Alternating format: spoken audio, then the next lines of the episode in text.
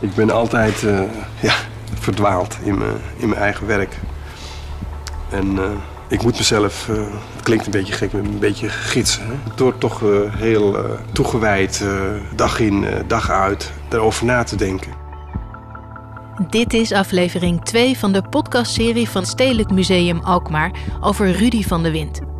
Mijn naam is Tjitske Musche en in deze serie neem ik je mee op reis door het leven en werk van deze bijzondere schilder, beeldhouwer en landschapskunstenaar. Wie was hij? Wat dreef hem? En waarom trok hij zich uiteindelijk terug uit de kunstzien om in zijn eigen wereld te gaan wonen, op de Nolle in Den Helder? Aflevering 2. De kosmos.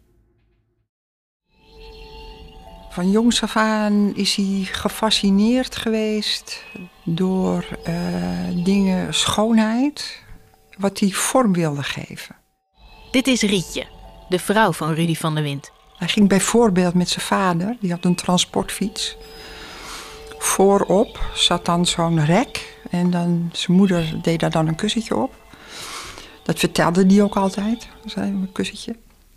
Ging hij samen met zijn vader naar de dijk. En dan gingen ze samen kijken naar de zonsondergang.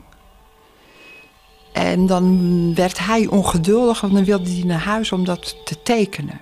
En die vader die begreep dat niet. Die had zoiets van, ja maar het is toch heel mooi als je hier zit. Hè, en dan onderga je dat. En dan... Maar voor hem ging dat verder. Hè, hij wilde terug naar huis ja, om dat te tekenen de schoonheid van de natuur, van de kosmos, vastleggen en begrijpen. Dat verlangen is doorweven in het werk van Van de Wind.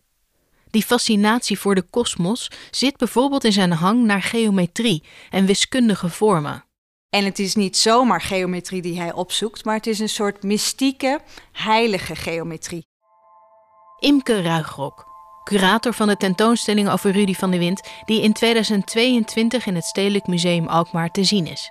Het zijn bijvoorbeeld de mathematische principes van de Fibonacci-reeks of de Pythagoras-stelling, die met elkaar te maken hebben.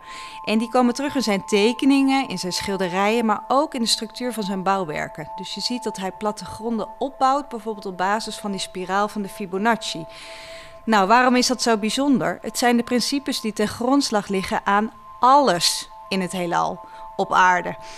Dat komt terug in bijvoorbeeld eh, de groei van een plant. denk aan een ontrollende varen. Het zit in de macrowereld, het zit in de structuur van onze DNA's bijvoorbeeld, maar ook in die grotere wereld. Dus als je kijkt naar de structuur van de melkweg, dat heeft ook weer diezelfde cyclus van de Fibonacci in zich. Die aandacht voor geometrie kreeg Van de Wind met de paplepel ingegoten door zijn vader, die konijnenfokker was. Rietje van de Wind. Het waren Lotharingers, zo zwart met wit. En dan was de bedoeling dat ze, dat ze symmetrisch uh, plekjes hadden op hun vacht. En dat moest dan precies kloppen. daar was die man ongelooflijk mee bezig. Dat ging heel ver, want hij plukte ook wel eens gewoon wat extra zwarte haartjes weg als het niet helemaal klopte. En uh, Ruud vond dat denk ik wel. Uh, ja, die had daar ook iets mee natuurlijk. Dus dat konijn is. Die, een van die konijnen ging mee naar Amsterdam. Daar heb ik ook nog uh, een foto van. Dus ja, Ruud, Ruud heeft dat toch meegekregen. Die geometrie zit niet alleen in zijn schilderijen, maar ook in zijn beelden voor de openbare ruimte. Die werken ken je misschien ook wel, zonder dat je weet dat het van Rudy van der Wind is. Bijvoorbeeld de tong, een reusachtige ovaal van koperdraad die langs de A6 bij Lelystad staat. Zoals deze geometrische vorm, zo staan er talloze beelden van hem door het hele land. Als je goed kijkt naar de structuur daarvan, zijn dat als het ware een soort groeiende vormen. Ze kunnen plantaardig zijn, het kan een menselijke vorm zijn, die aan de ene kant geworteld is in de aarde en aan de andere kant reikt naar de hemel.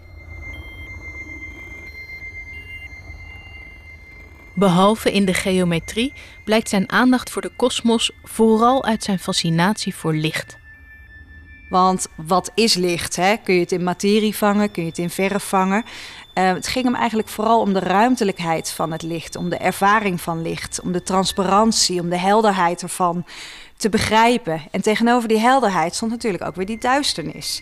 En dat zie je misschien ook wel in de allereerste werken, de zeegezichten. Die aan de ene kant natuurlijk een zee zijn met een horizonlijn en een lucht. En daar kan een onderscheid tussen die twee zijn, maar het kan ook meer in elkaar overlopen, vervloeien, meer gradueel. Nou, dat onderzoek ging eigenlijk verder. Die paradox, dat ongrijpbare wat licht is, wat mystiek is ook. En dat is eigenlijk de basis van al zijn werk. Je zou kunnen zeggen dat de kern van het werk, en dat is natuurlijk gevaarlijk om er daar aan te wagen, maar er zijn meerdere kernen, uh, de zoektocht naar het oneindige is. En het licht wat hij wilde en wenste te manifesteren op het schilderij, dat ging voorbij de kaders van dat schilderij. Omdat het licht zich ook niet laat vangen binnen kaders, hè, wat een schilderij eigenlijk natuurlijk ook is. En die zoektocht om het schilderij als onderdeel van een groter geheel te maken, niet op zichzelf staand, dat bracht hem tot volgende stappen. Nou, die volgende stappen waren enerzijds dat het schilderij tot een object werd. Maar het waren ook stappen waarin hij onderzocht hoe kan dat schilderij een onderdeel worden van een ruimtelijke ervaring of onderdeel worden van een ruimte. En dat kon hij meer vormgeven in zijn werken, in gebouwen, in architectuur. Dus in zijn opdracht voor de plafondschildering van Paleis Noordeinde kon hij die ruimtelijke component van licht heel erg laten voelen. Die plafondschildering is een fresco die doet denken aan een prisma waar het zonlicht doorheen valt. Vanuit de hoeken van dat plafond bewegen als het ware een soort van kleurvlekken die je kunt vergelijken met dat prisma. Waardoor het een ruimtelijke extra dimensie wordt, een extra ja, materie, licht. Hè? Ruud van der Wind maakt de materie van licht. De opdracht om een kunstwerk te maken voor het werkpaleis van Beatrix kwam begin jaren 80. Via Jean Lering, de directeur van het Van Abbe Museum, met wie Van de Wind correspondeerde over zijn werk. Nou, Ruud van der Wind heeft een aantal interessante directeuren van musea als sparringpartner. Je ziet dat hij uh, gezien wordt en erkend wordt door bijvoorbeeld Rudy Fuchs, uh, Jean Lering. En je ziet ook dat zij weten wat de kern van zijn onderzoek is. En ze kunnen hem ook matchen met goede opdrachtgevers. Lering raadde Rudy aan om gehoor te geven aan een oproep om plannen in te sturen. Van de Wind won met het idee voor een koepelschildering die hij nat en nat schilderde. En dan boven dat trappenhuis, zo'n vlonder, waar die, waar die dan met een ladder naartoe moest. En wie klom er ook af en toe die ladder op? Beatrix. Ik denk dat ze hele leuke gesprekken met Ruud had. Want daar is wel een soort uh, iets ontstaan. Ze is natuurlijk sowieso heel erg geïnteresseerd in kunst. En, en het is heel bijzonder. En Ruud was ook heel gesteld op haar. En dan had ze af en toe bijeenkomsten waar ze kunstenaars uitnodigde, waar ze iets mee had. Hè, uh, voor een bezoek of wat dan ook. En uh, dat was altijd alleen gericht aan Ruud. Dus dan belde haar hofdame op. En dan zei ze, meneer Van der Wind, het wordt tijd voor de stomerij. de koningin verwacht u. Nou, en dan, uh, nou ja, daar ging hij dan wel heen. Dus, dus daar ontwikkelde zich wel gewoon een soort. Dat vond hij ook leuk. In de volgende aflevering hoor je hoe Van de Wins interesse in licht, ruimte en ervaring een groot nieuw kunstwerk oplevert: de schilderijen voor de Tweede Kamer. Architect Pie de Bruin vertelt dan hoe die samenwerking verliep. Ik heb nooit een, uh, ja, zeg maar een gezellige contact met hem ontwikkeld. Deze podcastserie is gemaakt door Tjitske Musche in opdracht van Stedelijk Museum Alkmaar. Met veel dank aan Rietje, Rudy en Gijs van de Wind, Imke Ruigerok, Cor Blok en Pie de Bruin. De fragmenten waarin je Rudy van de Wind zelf hoort, komen uit het VPRO-programma Atlantis, waarin Hank Onrust hem interviewt. De muziek in deze podcast werd speciaal gemaakt door Roald van Oosten. James Powell deed de eindmix.